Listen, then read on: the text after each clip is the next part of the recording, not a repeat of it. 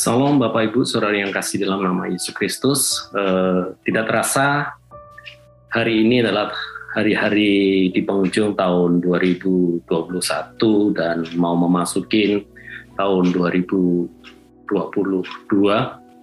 Saya yakin dan percaya dalam kehidupan kita Tuhan uh, memberi pertolongan dan Tuhan senantiasa menjagai sehingga kita boleh ada sampai saat ini. Bapak Ibu Saudara yang kasih dalam nama Yesus Kristus, uh, hari ini saya mengajak Bapak Ibu Saudara yang kasih dalam nama Yesus untuk uh, mau merefleksi diri, yaitu bagian daripada proses uh, introspeksi diri yang kita lakukan dengan cara melihat kembali dan merenungkan kembali apa yang terjadi dalam kehidupan kita masing-masing. Saya yakin ini kalau kita melakukannya, kita akan membawa banyak hal yang kita bisa lakukan ke depan dalam kehidupan kita. Bapak Ibu Saudara yang kasih dalam nama Yesus Kristus, sebab gini, dengan kita melihat kembali dan merenungkan apa yang terjadi, apa yang uh, kita lewati, uh, pertolongan, perlindungan, pimpinan Tuhan, itu bisa membawa kita uh, mengingat kembali akan kebaikan-kebaikan Tuhan dalam kehidupan kita. Di dalam Mazmur pasal 27 ayat 13 dikatakan, Sungguh aku percaya aku melihat kebaikan Tuhan di negeri orang-orang hidup. Bahkan di dalam Tawarik pasal yang 16 ayat 12a dikatakan demikian, ingatlah perbuatan-perbuatan yang ajaib yang dilakukannya dan mujizat-mujizatnya. Bapak Ibu Saudara yang kasih Yesus, kalau kita merefleksi diri, mengingat kembali sepanjang perjalanan hidup kita uh, di tahun ini, kita pastinya akan menemukan uh, kebaikan-kebaikan Tuhan. Dan itu bisa membuat kita juga melakukan ucapan syukur bahwa Tuhan menolong, Tuhan memimpin, Tuhan menyertai dalam kehidupan kita. Bahkan dengan dengan tahu bahwa Tuhan melakukan kebaikannya dalam kehidupan kita, membuat kita juga tidak akan takut untuk hari esok kita ataupun memasuki tahun depan tahun 2022.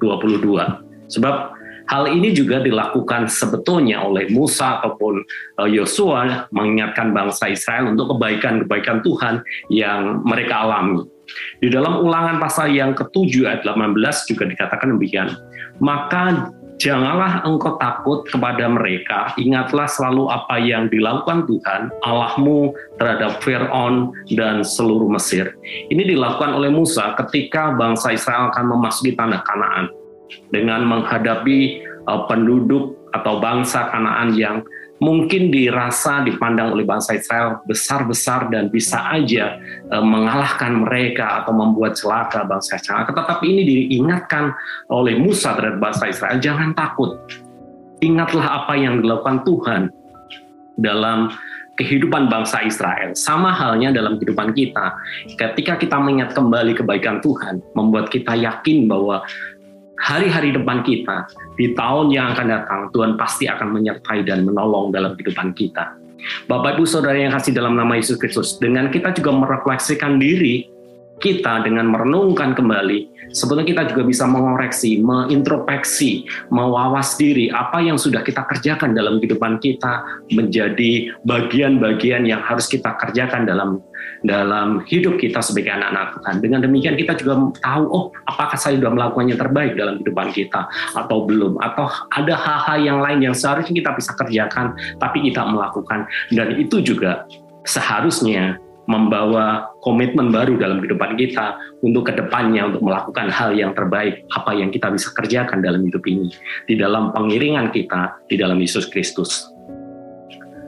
Sebab di dalam kehidupan kita sebagai orang-orang percaya itu harusnya juga senantiasa diperbaharui dari ke hari sampai kita dipanggil kembali oleh Tuhan. Makanya di dalam Roma pasal yang ke-12 ayat yang kedua saya bacakan yang bagian B. Tetapi berubahlah oleh pembaruan budimu, sehingga kamu dapat membedakan manakah kehendak Allah, apa yang baik, yang berkenan kepada Allah, dan yang sempurna. Itu yang dikehendaki Tuhan dalam kehidupan kita, bahwa dalam pengiringan kita dalam uh, Yesus Kristus, sebagai seorang uh, yang beriman kepada Tuhan, kita juga harus senantiasa mengalami atau kehidupan kita diperbaharui senantiasa pembuaran budi, pembuaran kehidupan kita untuk lebih baik lagi, untuk lebih baik lagi dalam kehidupan kita. Sebab pada dasarnya menjadi orang Kristen bukan sekedar kita membawa identitas baru atau memiliki identitas baru sebagai ciptaan baru, akan tetapi kita juga harus menghidupinya di dalam kehidupan kita sehingga kita juga tahu dan kita juga bisa dilihat mana anak-anak Allah atau dibandingkan dengan anak-anak dunia. Sehingga kita juga akhirnya bisa memancarkan dan menunjukkan identitas kita sebagai anak-anak terang. Terlebih kita juga uh, menjadi terang dunia ini sebagai pengikut Kristus. Sebab pada dasarnya juga bahwa kekristenan identik dengan perubahan yaitu perubahan menjadi serupa dengan Kristus biarlah di akhir tahun ini kita kembali dan kita mau merefleksi diri kita supaya kita bisa memberi yang terbaik lagi dan hidup kita membawa perubahan dan kita juga diubahkan senantiasa senantiasa menjadi serupa dengan Kristus. Tuhan Yesus memberkati.